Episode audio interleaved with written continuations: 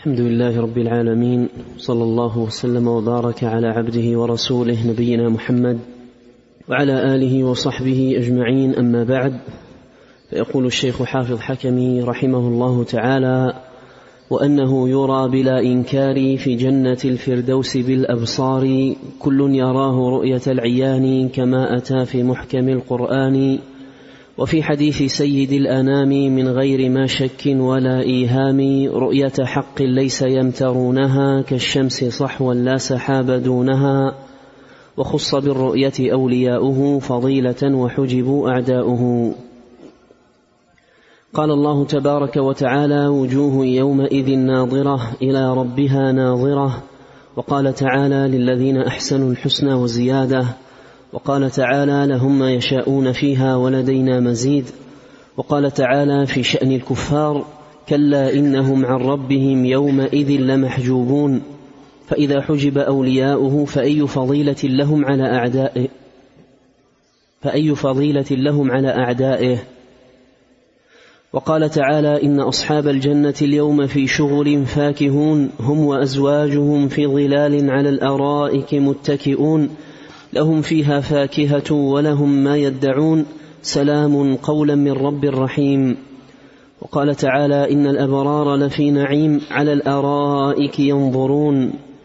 وهذه الآيات صريحة الدلالة على رؤية المؤمنين ربهم تبارك وتعالى لا تقبل تحريفا ولا تأويلا ولا يردها إلا مكابر قد ختم الله على سمعه وقلبه وجعل على بصره غشاوة فمن يهديه من بعد الله.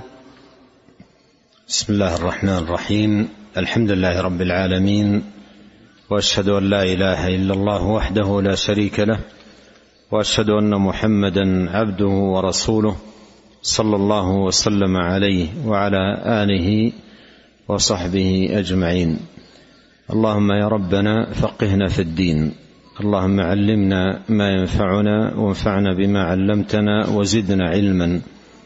اللهم واجعل ما نتعلمه حجة لنا لا علينا. اللهم وأصلح لنا شأننا كله ولا تكلنا إلى أنفسنا طرفة عين. أما بعد فإن المصنف رحمه الله تعالى يذكر هنا ما يتعلق بالرؤية رؤية الله سبحانه وتعالى. المنة العظيمة والكرامة الكبيرة التي يكرم الله سبحانه وتعالى بها أولياءه وأصفياءه وعباده المتقين في جنات النعيم. وهي أعظم المنن وأجلها وأكبر نعيم الجنة وأعظمه.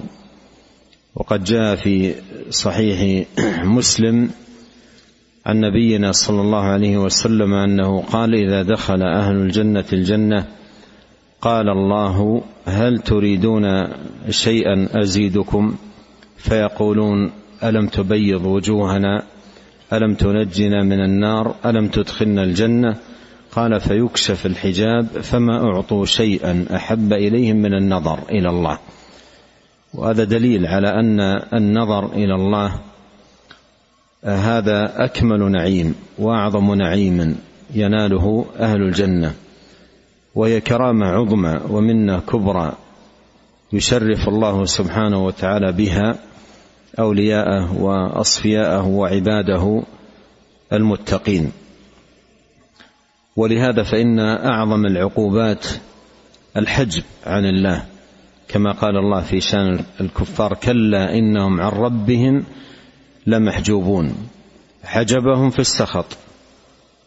وهذا دليل على أن أهل الإيمان يرون الله. وإلا كما قال الشيخ رحمه الله تعالى لما أورد هذه الآية فإذا حجب أولياء فأي فضيلة لهم على أعدائهم. فالحجب دليل على السخط والرؤية دليل على الرضا رضا الله سبحانه وتعالى عنهم فيكرمهم لرضاه سبحانه وتعالى عنهم بأن يرونه يوم القيامة. والرؤية رؤية الله يجب أن تكون عقيدة ثابتة مستقرة في قلب المؤمن. دل عليها كتاب الله ودلت عليها سنة النبي صلوات الله وسلامه عليه. فيجب أن تكون عقيدة ثابتة في قلب المؤمن. بل ينبغي أن يكون في شوق دائم وطمع كبير أن يكون من أهل هذه الرؤية. وممن يكرمهم الله سبحانه وتعالى بها. وأن يكون من دعائه الذي يكثر منه ما ثبت في السنة عن نبينا صلى الله عليه وسلم. اللهم إني أسألك لذة النظر إلى وجهك والشوق إلى لقائك في غير ضراء مضرة ولا فتنة مضلة. ومن ينكرون الرؤية والعياذ بالله من أهل البدع والضلال انكارهم إنكارهم لها من موجبات حرمانهم منها لأن من ينكر الرؤية لا لم يقم في قلبه طمع أن يرى الله. فضلا عن أن يدعو الله سبحانه وتعالى ويسأله ذلك لأنه أصلا ما قام في قلبه اعتقاد بذلك. وهذا يبين لنا أهمية صحة الاعتقاد في صلاح العمل واستقامة الديانة بل وحسن التقرب إلى الله سبحانه وتعالى.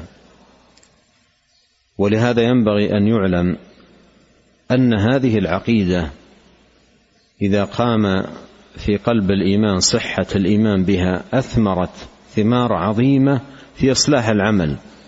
لأن من يعتقد هذه العقيدة يعتقد في الوقت نفسه أنها أن نيلها ثمرة صلاح عمله واستقامته على طاعة ربه.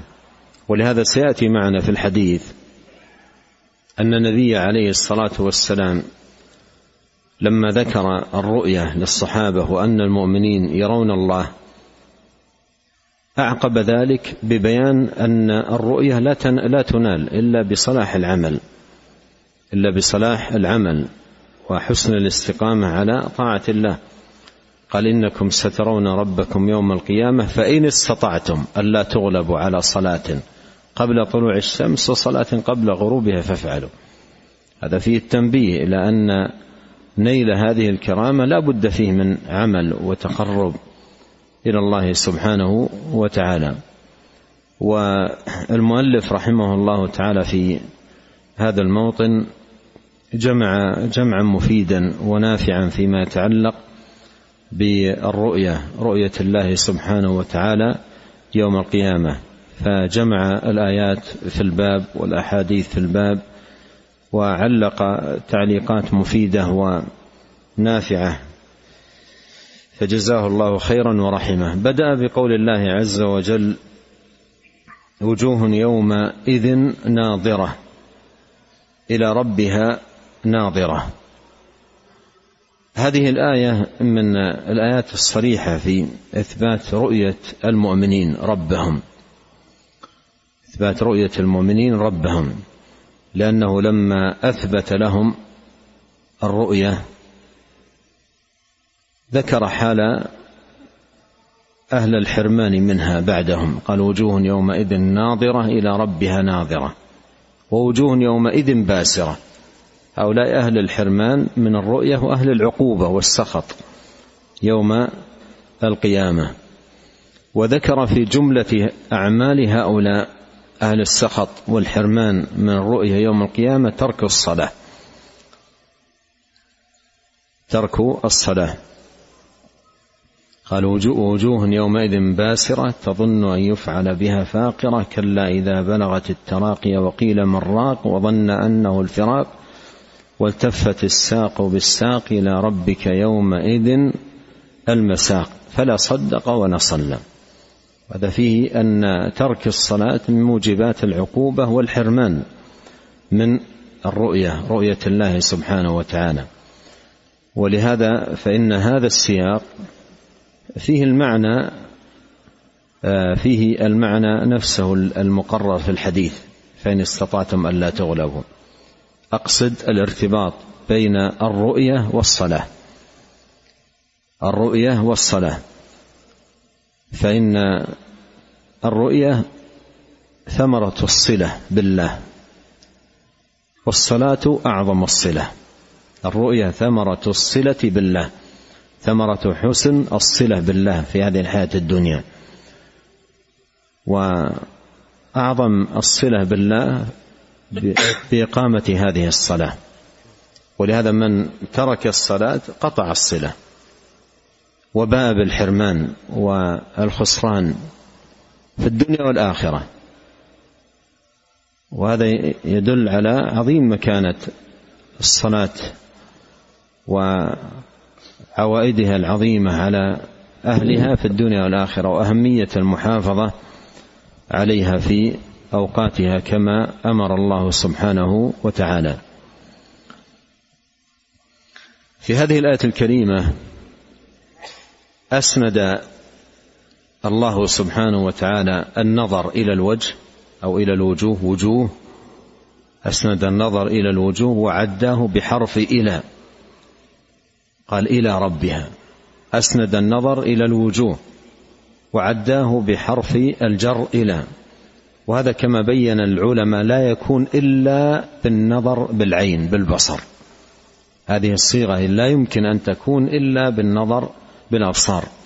فالآية صريحة واضحة الدلالة على ثبوت الرؤية رؤية المؤمنين ربهم يوم القيامة. وقوله جل وعلا في هذه الآية وجوه يومئذ ناظرة أي من النضرة وهي الحسن والجمال والبهاء. قال الحسن البصري رحمه الله تعالى حق لها أن تكون ناظرة أي حسنة بهية وهي تنظر إلى الله. وهي تنظر إلى الله سبحانه وتعالى. وقول الله عز وجل للذين أحسنوا الحسنى وزيادة وقوله لهم ما يشاءون فيها ولدينا مزيد. الزيادة والمزيد فيما دلت عليه السنة النبوية والآثار المروية. وسيأتي نقل طرف من ذلك عند المصنف رحمه الله تعالى هي الرؤية رؤية الله. الذين أحسنوا الحسنى وزيادة. الزيادة هي الرؤية رؤية الله سبحانه وتعالى. وكذلك المزيد رؤية الله سبحانه وتعالى. ولدينا مزيد. وقول الله سبحانه في شأن الكفار كلا إنهم عن ربهم يومئذ لمحجوبون. هذا من الأدلة على ثبوت الرؤية لأهل الإيمان لأن الحجب إنما هو لأهل الكفار لسخط الله عليهم. فإذا حجبوا لسخط الله عليهم فهذا دليل مفهومه أن المؤمنين لا يحجبون بل يرونه لرضاه سبحانه وتعالى عنهم. وإلا كما يقول الشيخ إن حجب اولياء فأي فضيلة لهم على أعدائه؟ أي فضيلة لهم على اعدائه ولهذا تعد هذه الآية من الأدلة على ثبوت الرؤية. ولهذا يقول الإمام الشافعي فلما انحجبهم في السخط دل على أنهم أي أهل الإيمان يرونه في الرضا. فلما انحجبهم أي الكفار في السخط دل على أنهم أي أهل الإيمان يرونه في الرضا. واورد أيضا رحمه الله قول الله سبحانه وتعالى إن أصحاب الجنة اليوم في شغل فاكهون. هم وأزواجهم في ظلال على الأرائك متكئون لهم فيها فاكهة ولهم ما يدعون سلام قولا من رب رحيم وهذه وإن لم تكن صريحة في إثبات الرؤية كما سبق في الآيات إلا أن السلام الذي يلقونه في الجنة ويكرمهم الله سبحانه وتعالى به يكون يوم رؤية رؤيتهم لله سبحانه وتعالى. وقد جاء في ذلك حديث يأتي عند المصنف لاحقا في ابن ماجه وعند أحمد من حديث جابر رضي الله عنهما قال قال رسول الله صلى الله عليه وسلم بين بين أهل الجنة في نعيمهم إذ سطع لهم نور فرفعوا رؤوسهم. فإذا الرب جل جلاله قد أشرف عليهم من فوقهم. فقال تعالى السلام عليكم يا أهل الجنة. وهو قول الله عز وجل سلام قولا من رب رحيم. وقول الله عز وجل سلام قولا من رب رحيم. والحديث في إسناده الفضل الرقاشي وهو ضعيف لكن لكن وإن كان الحديث ضعف ضعيف الإسناد إلا أن الأدلة الصحيحة تؤيد هذا المعنى. الأدلة الصحيحة تؤيد هذا المعنى مثل ما مر معنا في الأحاديث الصريحة الدالة على ثبوت الرؤية وفي هذا أن المؤمنين يوم يرون الله سبحانه وتعالى في الجنة يسلم عليهم. تبارك وتعالى. السلام عليكم كما جاء في في هذا الحديث. السلام عليكم يا أهل الجنة. قال وهو قوله سلام قولا من رب رحيم. سلام قولا أي يسمعه أهل الجنة من ربهم الرحيم. بهم سبحانه وتعالى. نسأل الله الكريم لنا أجمعين من فضله.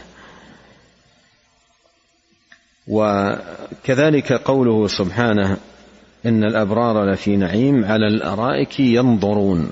قال غير واحد من السلف أي إلى الله. ينظرون أي إلى الله سبحانه وتعالى. قال الشيخ وهذه الآيات صريحة صريحة الدلالة على رؤية المؤمنين ربهم لا تقبل تحريفا ولا تاويلا ولا يردها إلا مكابر قد ختم الله على سمعه وقلبه وجعل على بصره غشاوه فمن يهديه من بعد الله. نعوذ بالله من الحرمان. نعوذ بالله من الخسران. ما أعظم حرمان من يعتقدون أن الله لا يرى يوم القيامة؟ ما أعظم حرمانهم من الخير؟ وما أشد خسرانهم. وهم لهم وجود إلى زماننا. حتى إن أحد المعاصرين في زماننا كتب كتابا يثبت فيه بالدلائل الفاسدة الباطلة أن الله لا يرى يوم القيامة. وهذا من أعظم الخسران وأشد الحرمان والعياذ بالله. نعم. قال رحمه الله تعالى وقد تواترت الأحاديث بمعنى ما تضمنته هذه الآيات. رواها أئمة السنة والحديث في دواوين الإسلام عن فضلاء الصحابة وأجلائهم كأبي بكر الصديق وأبي هريرة وأبي سعيد وجرير بن عبد الله وصهيب وابن مسعود وعلي بن أبي طالب وأبي موسى وأنس وبريدة بن الحصيب وأبي رزين وجابر بن عبد الله وأبي أمامة وزيد بن ثابت وعمار بن ياسر وعائشة وعبد الله بن عمر وعمار بن رويبة وسلمان الفارسي وحذيفة بن اليمان وعبد الله بن عباس وعبد الله بن عمرو بن العاص وعبادة بن الصامت وأبي بن كعب وكعب بن عجرة وأبي الدرداء وفضالة بن عبيد وعدي بن أرطأة وأبي موسى الأشعري وغيرهم رضي الله عنهم. كم هؤلاء؟ تسعة وعشرين صحابيا. نعم.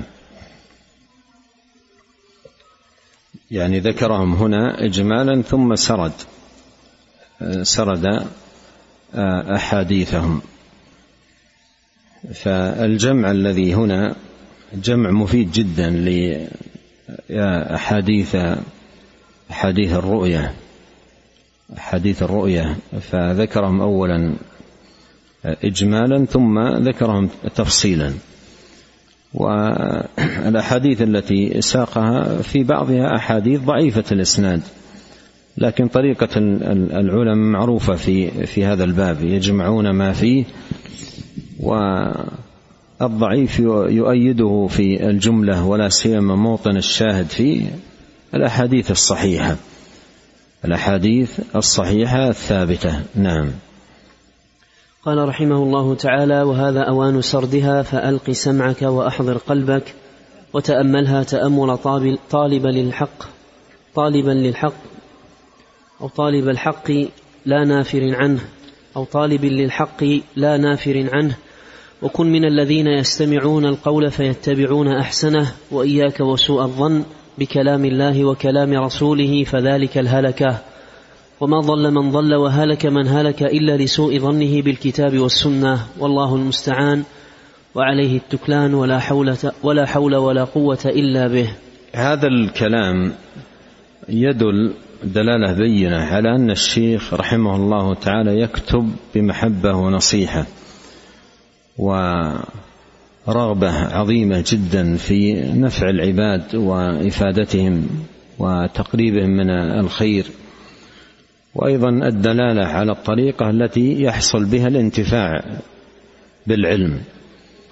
لأن الانتفاع بالعلم لا بد فيه من هذه الطريقة التي ذكرها رحمه الله تعالى أن يلقي سمعه للعلم وأن يكون حاضر القلب وإلا فإنه لا يستفيد. مثل ما قال الله جل وعلا إن في ذلك لذكرى ليس لكل أحد. إن في ذلك لذكرى لمن كان له قلب أو ألقى السمع وهو شهيد. فالعلم من أجل أن يفهم ويضبط وتنال ثمرته لا بد من إلقاء السمع وحضور القلب وحضور القلب حتى يتحقق الانتفاع. ولهذا يقول فألقها سمعك وأحضر قلبك وتأملها تأمل طالب للحق لا نافر عنه. وهذا أيضا فيه أن أهل البدع سبحان الله حينما يسمعون الأحاديث لا ينتفعون بها لأنهم يسمعونها سماع نافر.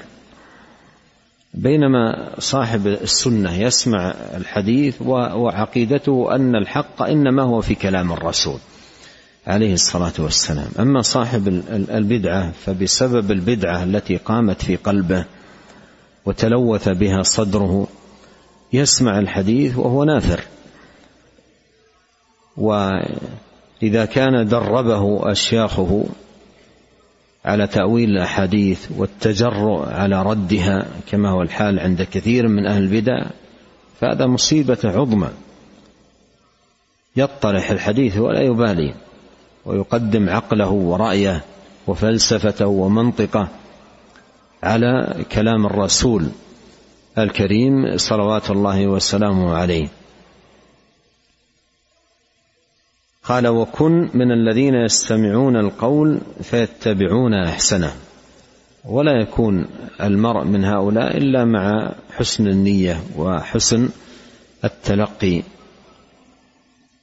قال وإياك وسوء الظن بكلام الله وكلام رسوله فذلك ألهلكه.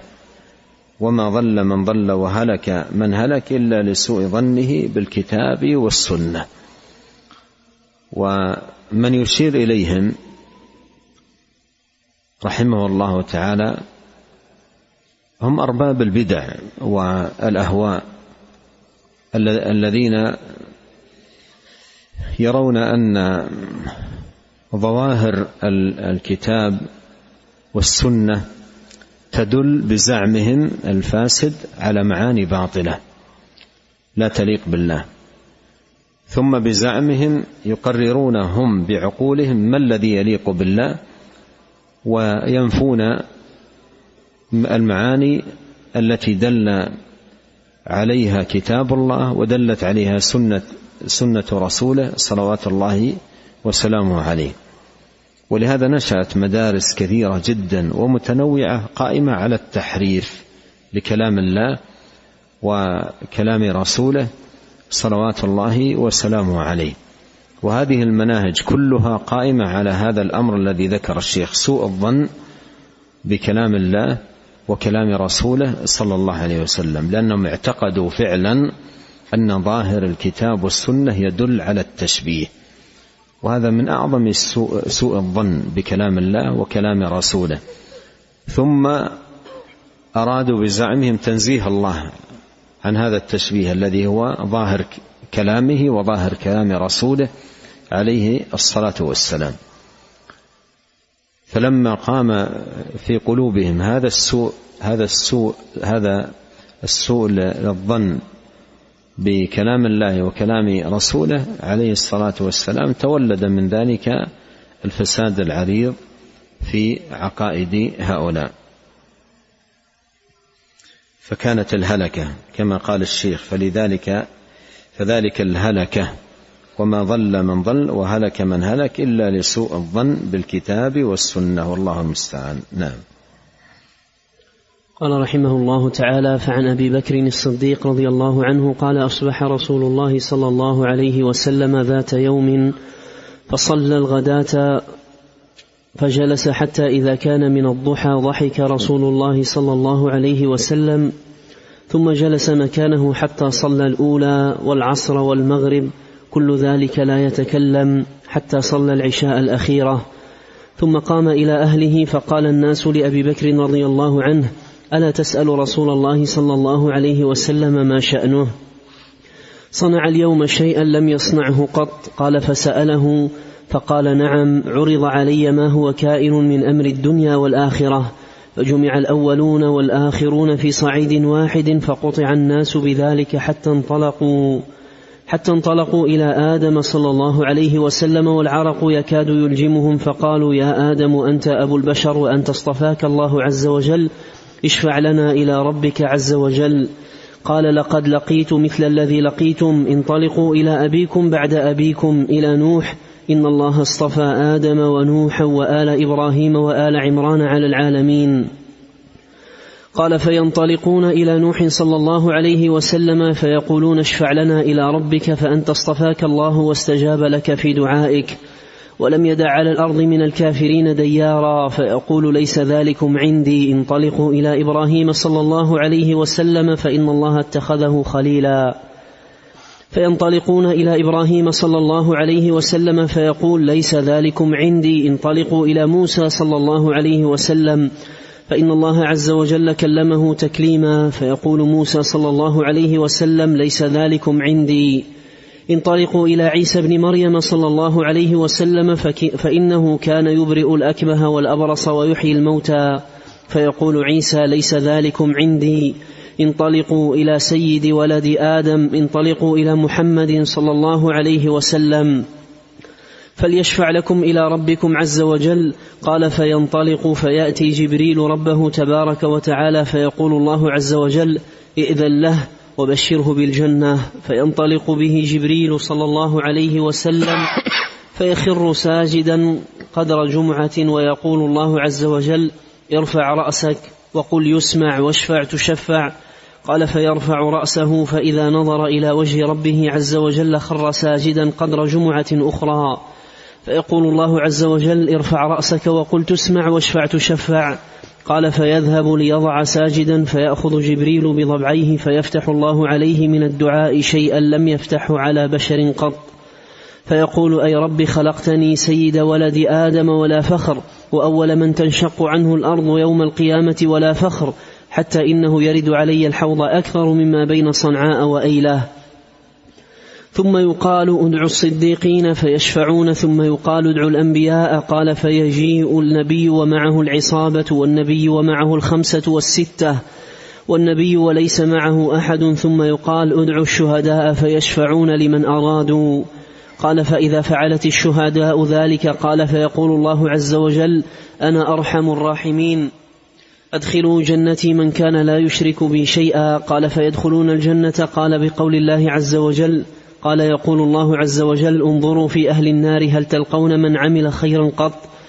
قال فيجدون في النار رجلا فيقولون له هل عملت خيرا قط؟ فيقول لا غير أني كنت أسامح الناس في البيع. فيقول الله عز وجل اسمحوا لعبدي بسماحته إلى عبيدي. ثم يخرجون من النار ثم يخرجون من النار رجلا فيقولون له هل عملت خيرا قط؟ فيقول لا غير أني أمرت ولدي إذا مت فأحرقوني.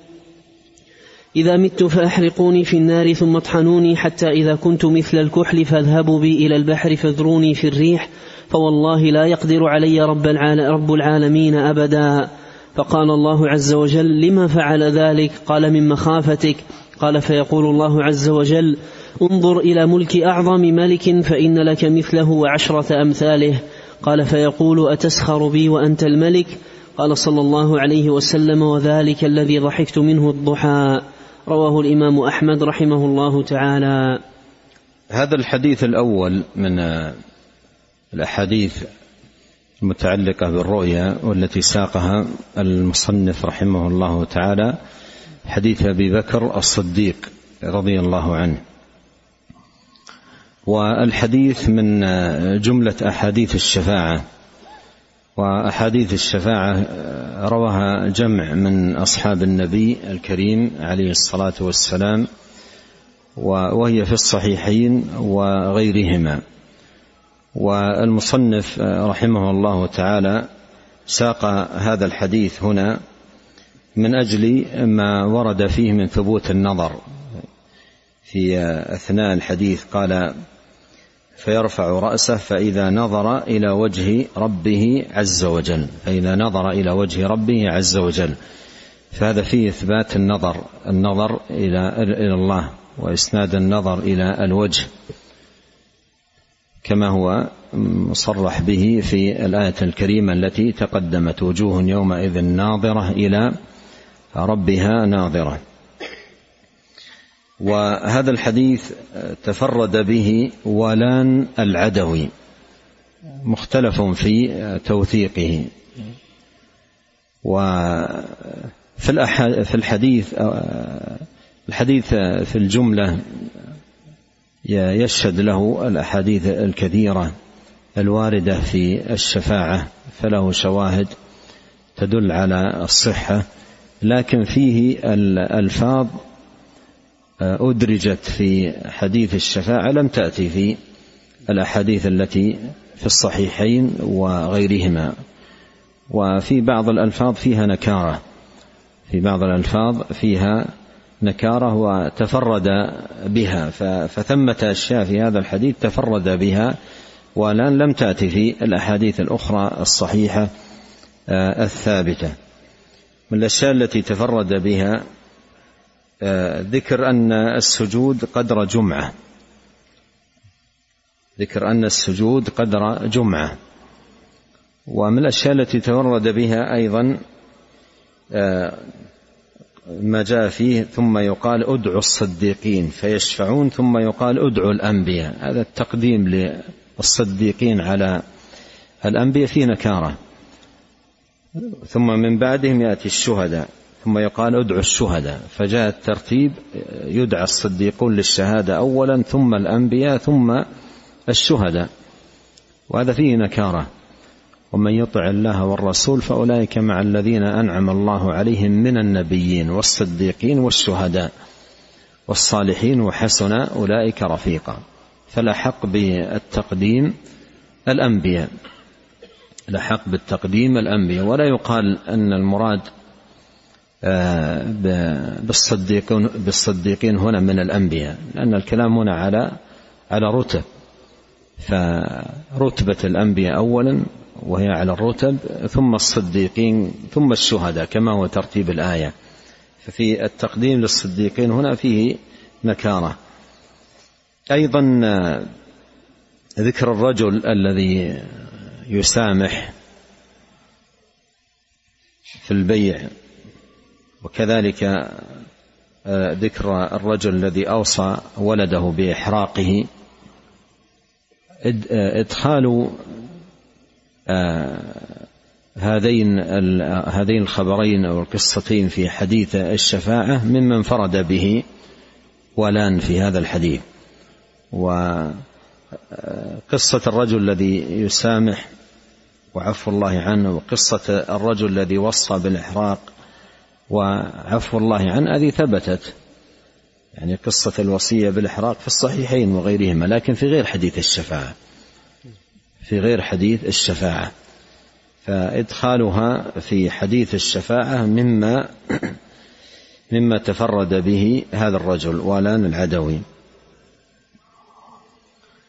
و ما يتعلق بقصة المسامح والموصي بالتحريق فيها وأيضا ورد في في في الحديث الذي جاء في ذكر خبر المسامح والحديث الآخر الذي جاء في خبر الذي أوصى بأن يحرق. قال هنا هل عملت خيرا قط؟ قال لا. ومثله أيضا جاء في قصة الذي أوصى بالإحراق. لم يعمل خيرا قط. وهذا المسامح وإن كان جاء في الحديث هل عملت خيرا قط؟ قال لا. ونص في الحديث نفسه أني كنت أسامح الناس. أني كنت أسامح الناس. وأيضا الرجل الذي أوصى أن يحرق لم يعمل خيرا قط. ومن الأشياء التي كانت عنده شدة خوفه من الله وخوفه من عقوبة الله سبحانه وتعالى. ولهذا ينبغي أن أن أن يلتبه لمثل هذا اللفظ لم يعمل خيرا قط هل عملت خيرا قط؟ قال لا لأن من لا يحسن الفهم ولا سيما من تدخل عليهم شبهة المرجئة في باب الإيمان يتمسكون بمثل هذه الألفاظ المتشابهة ويقضون بها على النصوص المحكمة. فيأخذ هذا اللفظ لم يعمل خيرا قط ويستدل به على أن الإيمان يكفي فيه التصديق وتكون بذلك النجاة. ويقولون السنة دلت على هذا لم يعمل خيرا قط. فيفهمون الحديث نفسه على غير وجهه وعلى غير بابه. ثم من جهة أخرى يجعلون هذا الحديث الذي هو من المتشابه قاضيا على على النصوص الكثيرة في الكتاب والسنة المحكمة في هذا الباب. والواجب اعتقاده في هذا الباب أنه لا إيمان إلا بعمل ولا عمل إلا بإيمان ولا نجاة إلا بذلك. ولا يصار إلى مثل هذه الألفاظ المتشابهة وتجعل قاضية على النصوص المحكمة. على أن معناها واضح عند عند العلماء بتدبر سياقاتها وتأمل مواردها. ولهذا يقول الإمام بن خزيمة رحمه الله يقول هذا اللفظ الذي هو لم يعمل خيرا قط من جنس الذي تقول العرب ينفي الاسم عن الشيء لنقصه عن الكمال والتمام. ينفي الاسم عن الشيء لنقصه عن التمام والكمال. فهل عملت خيرا قط؟ يقول لا لأنه يرى أن ما وقع منه من عمل ناقص فلم يره شيئا. ما وقع منه من عمل عمل ناقص فلم يره شيئا. قال لا ما عملت شيء مع أن الحديث نص على شيء من عمله. فالحاصل أن مثل مثل هذه الألفاظ التي هي من المتشابه لا يجوز أبدا أن تجعل قاضية على النصوص الكثيرة المحكمة البينة. فلا إيمان إلا بعمل ولا عمل إلا بإيمان ولا نجاة إلا بذلك. لا نجاة إلا بالعمل والإيمان معا. والآيات كثيرة في ذلك التي تدل على أن النجاة لا تكون إلا بالإيمان والعمل مع معا. وهذا هو الإيمان. الإيمان قول واعتقاد وعمل والنجاة تكون بذلك. النجاة لا تكون إلا بذلك بالإيمان والعمل معا. والعمل من الإيمان. ونسأل الله الكريم رب العرش العظيم أن يزيننا أجمعين بزينة الإيمان وأن يجعلنا هداة مهتدين. اللهم إنا نسألك لذة النظر إلى وجهك والشوق إلى لقائك في غير ضراء مضرة ولا فتنة مضلة. اللهم أصلح لنا شأننا كله ولا تكلنا إلى أنفسنا طرفة عين. سبحانك اللهم وبحمدك أشهد أن لا إله إلا أنت أستغفرك وأتوب إليك. اللهم صل وسلم على عبدك ورسولك نبينا محمد وآله وصحبه. جزاكم الله خيرا.